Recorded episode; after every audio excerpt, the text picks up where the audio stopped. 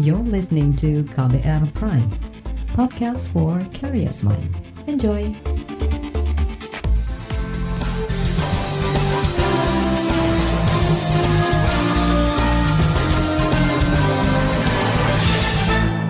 Halo selamat sore saudara, senang sekali saya Reski Mesanto hadir kembali di KBR Sore hari ini tanggal 10 Maret 2021. Sore hari ini seperti biasa saya menjadi teman Anda selama 30 menit ke depan dan saya ingin mengajak Anda untuk membahas kelanjutan pembahasan rancangan Undang-Undang Kitab Undang-Undang Hukum Pidana atau RUU KUHP. Setelah RUU ini ditunda pengesahannya pada akhir 2019 lalu, Pemerintah kembali mengusulkan agar RKUHP dimasukkan lagi dalam prioritas pembahasan di DPR tahun ini.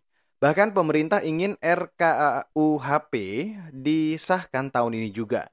Lalu bagaimana reaksi publik setelah pada 2019 lalu terjadi gelombang penolakan di berbagai tempat? Saudara, pemerintah kembali mengusulkan agar rancangan Undang-Undang Kitab Undang-Undang Hukum Pidana atau RUU KUHP masuk dalam program legislasi nasional atau prolegnas prioritas 2021. Pemerintah bahkan ingin RKUHP bisa disahkan tahun ini, meski RKUHP ini mendapat penolakan luas di masyarakat pada dua tahun lalu.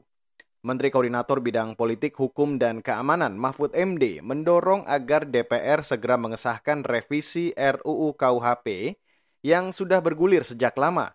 Ia beralasan Indonesia membutuhkan kitab hukum baru yang sesuai dengan keadaan negara saat ini. Berikut penjelasan Menko Polhukam Mahfud MD perkembangan pembangunan hukum pidana kita itu pandangan tentang partikularisme dan universalisme itu juga sampai hari ini saya kira kenapa itu tertunda pluralitas yang begitu meluas juga menjadi sebab dari tertunda-tundanya perubahan atau pembaruan kitab undang-undang hukum pidana itu. Lalu alasan lain dipakai ya udah itu kan KUHP sekarang masih bisa dipakai. Kenapain buru-buru? Nilai-nilainya juga meskipun itu hukum barat dari Belanda kan masih banyak nilai-nilainya yang yang universal bisa dipakai misalnya asas kepastian hukum asas legalitas dan sebagainya soal jenis-jenis hukumannya biar serahkan ke hakim ada yang mengatakan begitu sehingga permisif ya udahlah nggak usah buru-buru tetapi saudara saya tetap berpendapat kita berkeyakinan bahwa memang perlu segera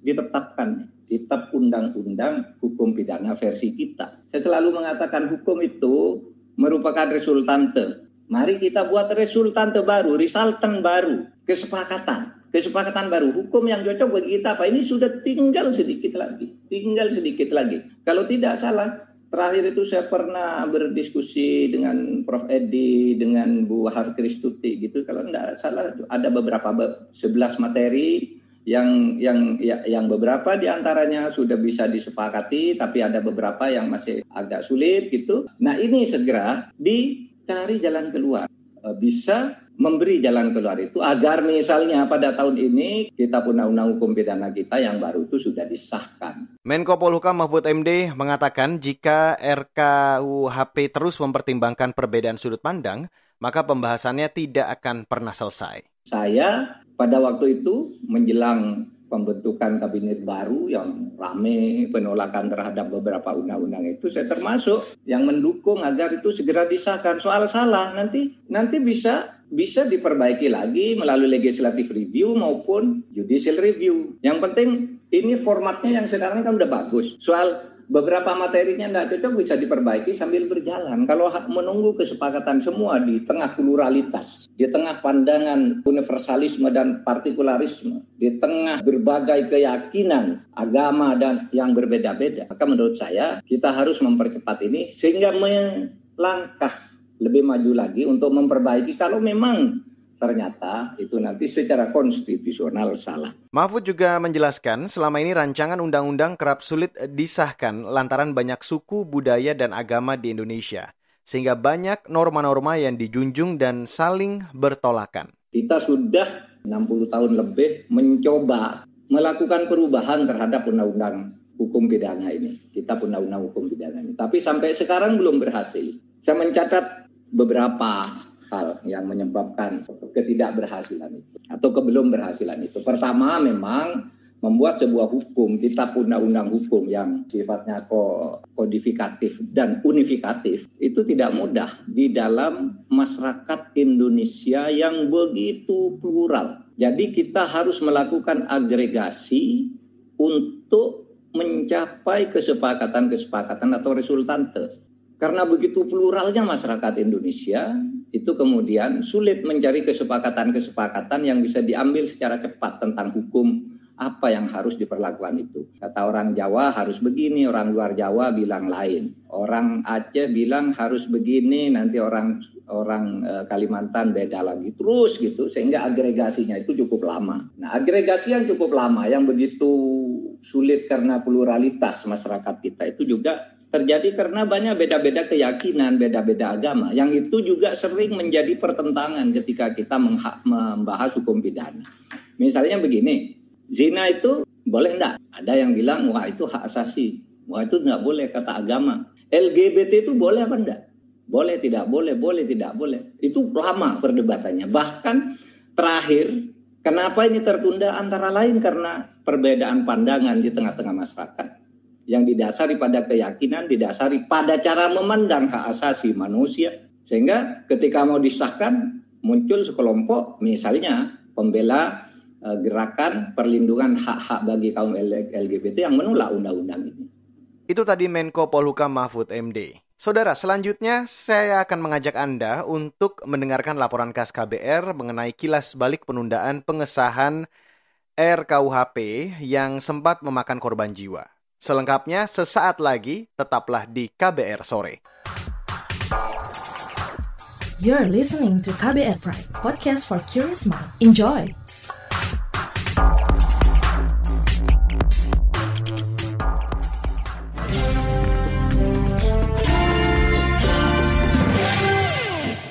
Saudara, rancangan Kitab Undang-Undang Hukum Pidana hampir disahkan pada September 2019 lalu. Namun pembahasan ditunda karena terjadi penolakan luas di masyarakat. Jika RKUHP kembali dibahas, apakah akan muncul kembali penolakan? Simak laporan khas KBR yang disusun Dwi Renjani.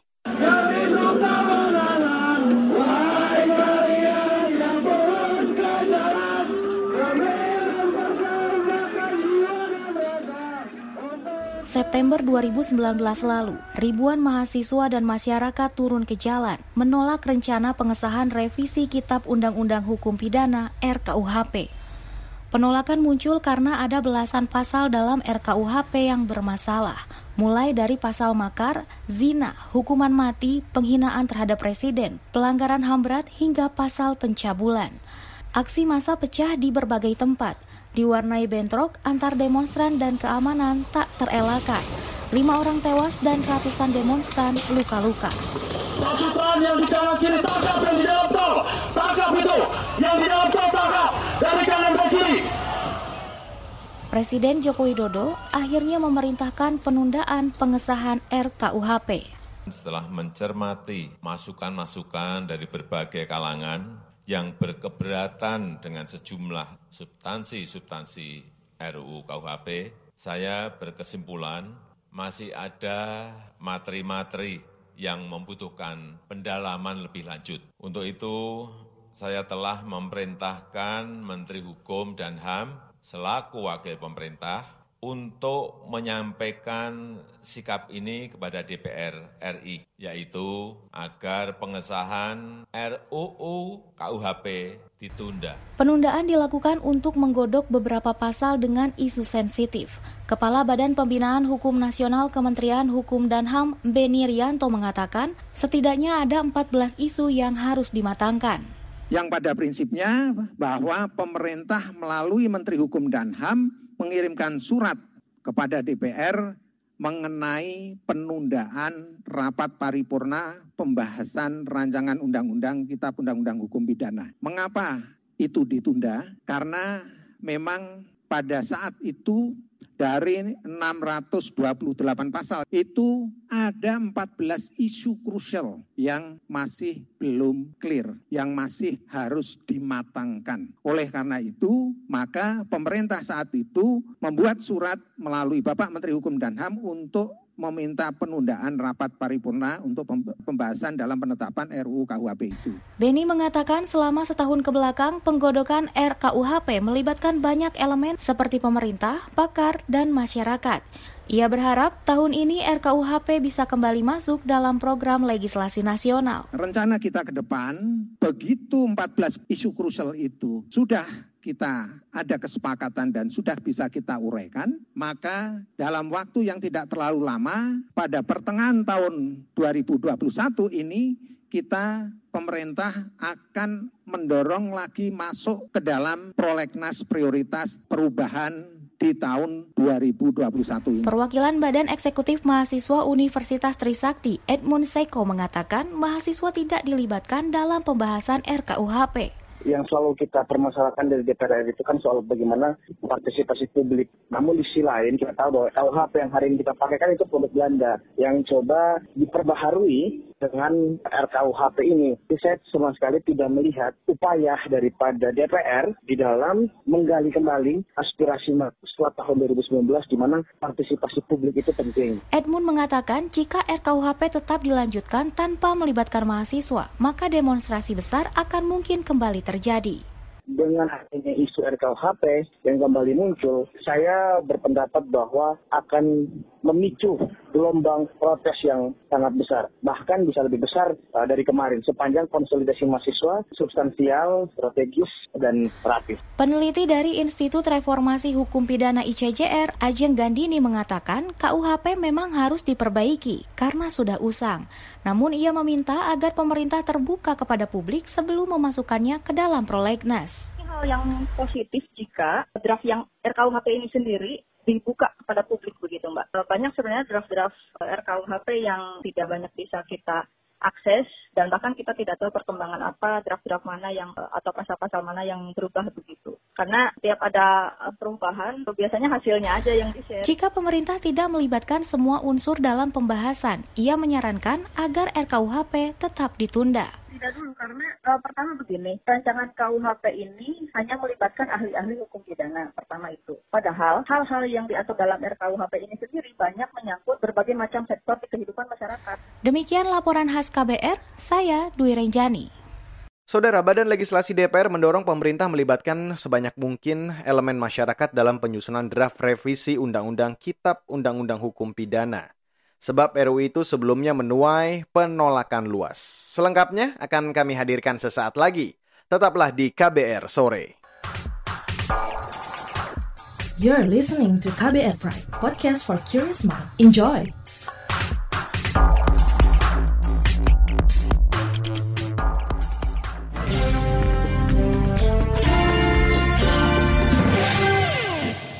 Terima kasih Anda masih bergabung di KBR sore hari ini 10 Maret 2021.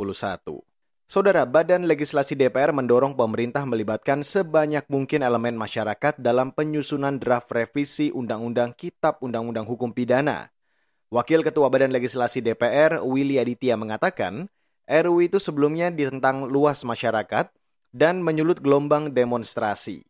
Saat ini DPR menunggu pelibatan masyarakat dalam proses penyusunan sebelum pemerintah menyerahkan draft itu untuk dibahas di DPR. Berikut perbincangan jurnalis KBR Wahyu Setiawan dengan Wakil Ketua Balik DPR Willy Aditya. DPR kemarin sudah menetapkan 33 prioritas ya. 2021. Nah, RUU KUHP yang kemarin Menko Polhukam mengusulkan untuk disahkan dan dibahas tahun ini ternyata nggak masuk, Bang. Apakah ya. ini artinya tidak akan disahkan tahun ini, Bang? Gini, itu kan masih dalam proses kajian. Sebenarnya kita terima apa yang diusulkan oleh pemerintah karena prinsipnya raker itu kan dilakukan secara bersama antara DPR diwakili oleh Balik, DPD RI dan pihak pemerintah diwakili oleh Kemenkumham. Maka dalam konteks itu kemarin kami menerima laporan dari Kemenkumham mereka masih melakukan kajian yang mendalam terhadap RUU KUHP atau revisi KUHP. Karena apa? Karena mereka sedang membentuk tim mengumpulkan pakar-pakar dan beberapa kampus untuk sekaligus secara komprehensif mengkaji undang-undang ITE juga yang uh, diminta oleh Presiden terkait khususnya pasal 27, 28, dan 29 Kalau itu dalam satu gugus, inisiatif yang dikemukakan oleh pemerintah kemarin, kenapa tidak KUHP saja, tidak perlu ITE-nya? Karena ITE sudah ada surat edaran oh, Kapolri sebagai bridgingnya. Jadi kita dalam proses ini RUU KUHP itu terbuka saja kemungkinan kapan pemerintah siap dengan kajiannya dimajukan ke DPR. Jadi Balik sendiri memiliki mekanisme evaluasi prolegnas sewaktu-waktu. Tidak tertutup kemungkinan tahun ini kalau pemerintah siap untuk itu dibahas. Begitu.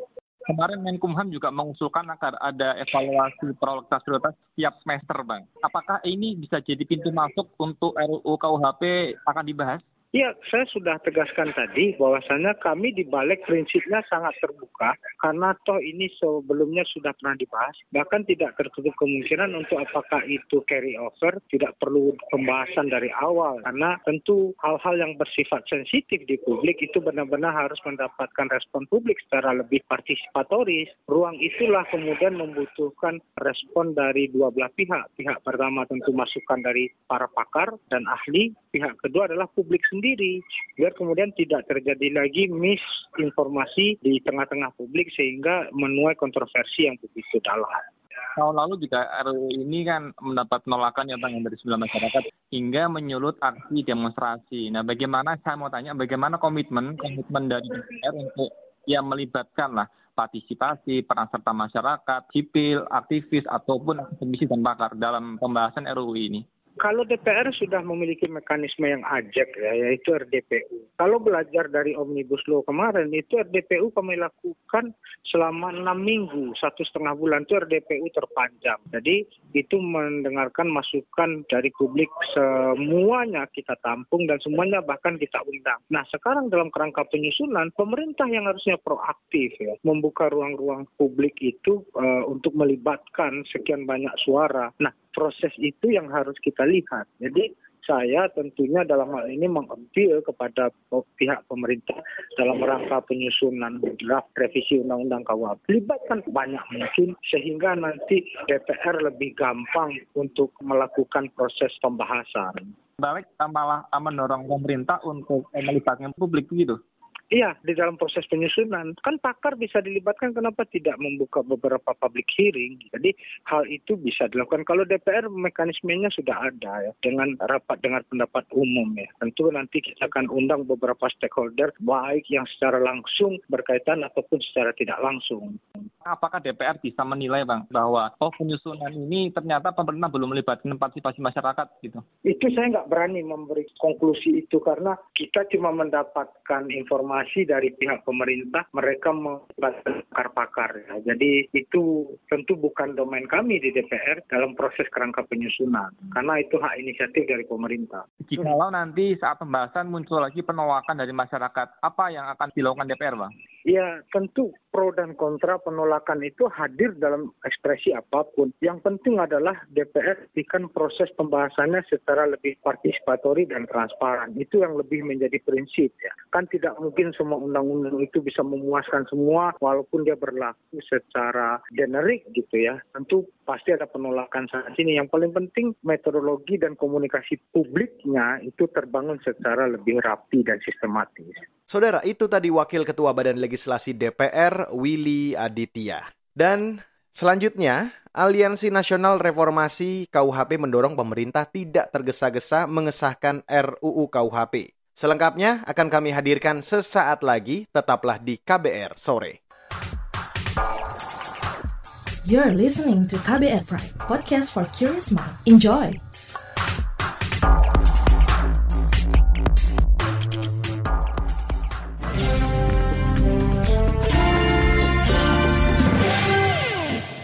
Saudara Anda masih mendengarkan kabar sore hari ini, 10 Maret 2021. Saudara, Aliansi Nasional Reformasi KUHP mendorong pemerintah tak tergesa-gesa mengesahkan RKUHP.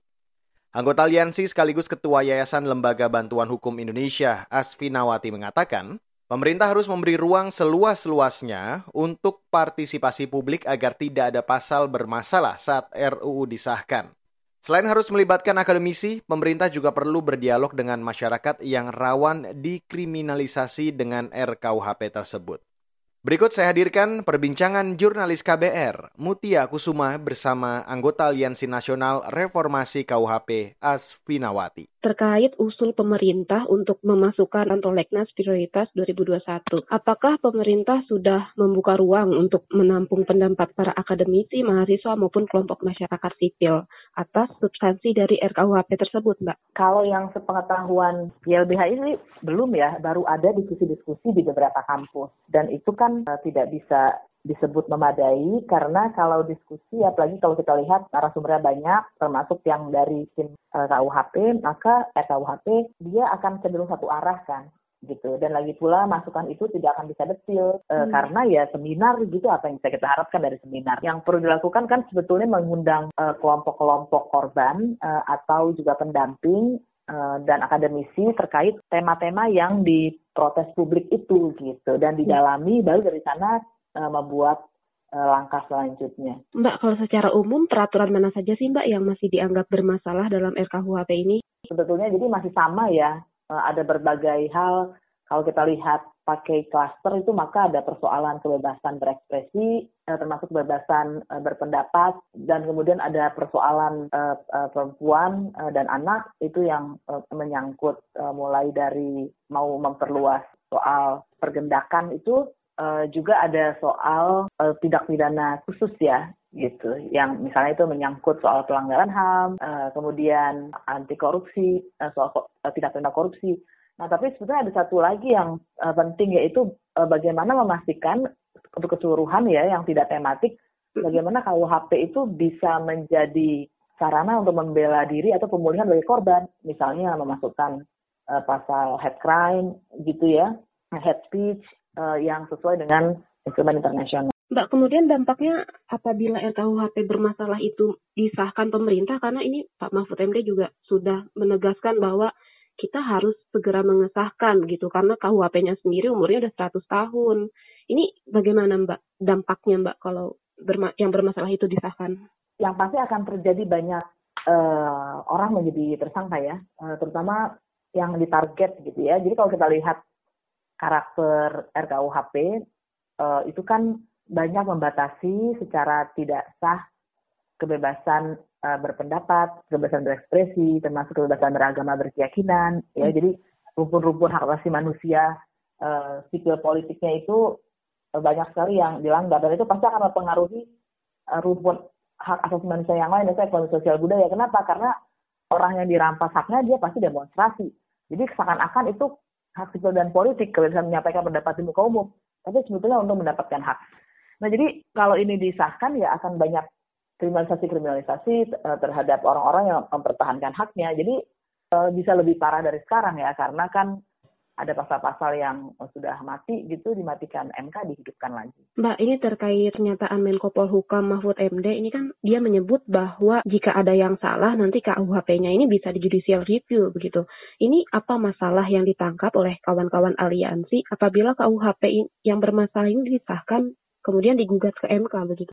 Ini ada beberapa masalah ya dalam pernyataan itu yang pertama mengabaikan kewajiban pembuat undang-undang bahwa dia harus akurat. Yang kedua, uh, itu juga pernyataan yang sangat gawat gitu ya. Uh, karena nanti uh, bisa bikin sembarangan gitu ya atau nggak apa-apa kita sudah tahu ini akan ada yang salah tapi terima aja dulu. Nanti terus kemudian korban yang harus masuk ke MK itu kan tidak sederhana ya persidangan di MK. Aturan akan langsung berlaku dan mengikat publik. Soal harapan terkait RKUHP ini bagaimana Mbak? Saya sebetulnya eh, kami di koalisi ya sebetulnya sudah sudah pernah menyampaikan rute yang menurut kami akan mengambil banyak pendapat eh, dan masukan masyarakat. Hmm. Yang, yang pertama sebetulnya yang paling dasar KUHP kita yang katanya sudah 100 tahun lebih itu belum pernah diterjemahkan. Karena itu kalau kita lihat KUHP kan berbeda-beda tuh eh, penerjemahannya. Ada yang menafsirkan oh, overspell itu pergendakan, ada yang menerjemahkan perzinahan, dan itu di dalam hukum pidana nggak bisa karena itu masing-masing punya arti yang berbeda. Nah kalau itu sudah, maka pasal-pasal yang e, bermasalah itu itu didialogkan secara mendalam. Itu tadi anggota Aliansi Nasional Reformasi KUHP Asfinawati. Dan saudara wawancara tadi mengakhiri KBR sore untuk hari ini 10 Maret 2021. Jangan lupa untuk selalu memperbarui informasi setiap jamnya melalui kabar baru, situs kbr.id, Twitter kami di account at berita KBR, dan untuk Anda yang tertinggal, KBR sore untuk hari ini, Anda kembali bisa mendengarkannya di kbrprime.id. Jangan lupa untuk selalu mematuhi protokol kesehatan di mana pun Anda berada, ingat selalu 3M, menggunakan masker, menjaga jarak dan rajin mencuci tangan dengan sabun.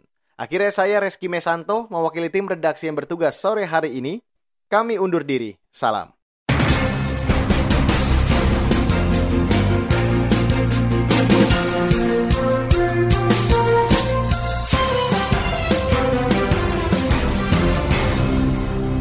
KBR Prime, cara asik mendengar berita. KBR Prime, podcast for curious mind.